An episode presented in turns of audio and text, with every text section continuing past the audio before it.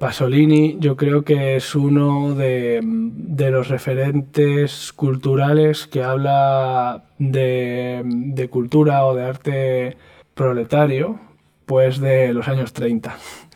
Porque sí que es verdad que existe un debate sobre qué es el arte proletario eh, durante los primeros años de la. Bueno, durante los años 10 en Rusia eh, y después de la revolución soviética también existe este debate, luego en los años 30 también se extiende un poco al resto de, Europa, incluso llega a España, en la República eh, bueno, hay publicaciones cinematográficas que hablan de cine proletario, de arte proletario, pero después eh, como que esto se acaba, esta reflexión sobre mm, es posible una cultura del proletariado. Y Pasolini retoma este tema hablando del subproletariado, que era lo que a él más le interesaba, que eran las clases obreras mm, que se quedaban en las periferias de las ciudades o que habían emigrado y que mm, se habían quedado eh, a residir en las periferias de las ciudades. Y esto genera una nueva clase, clase obrera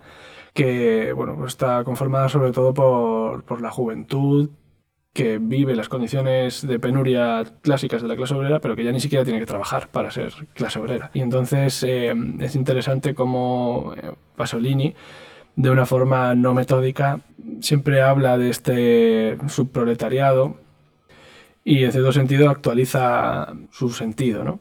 su valor eh, cultural.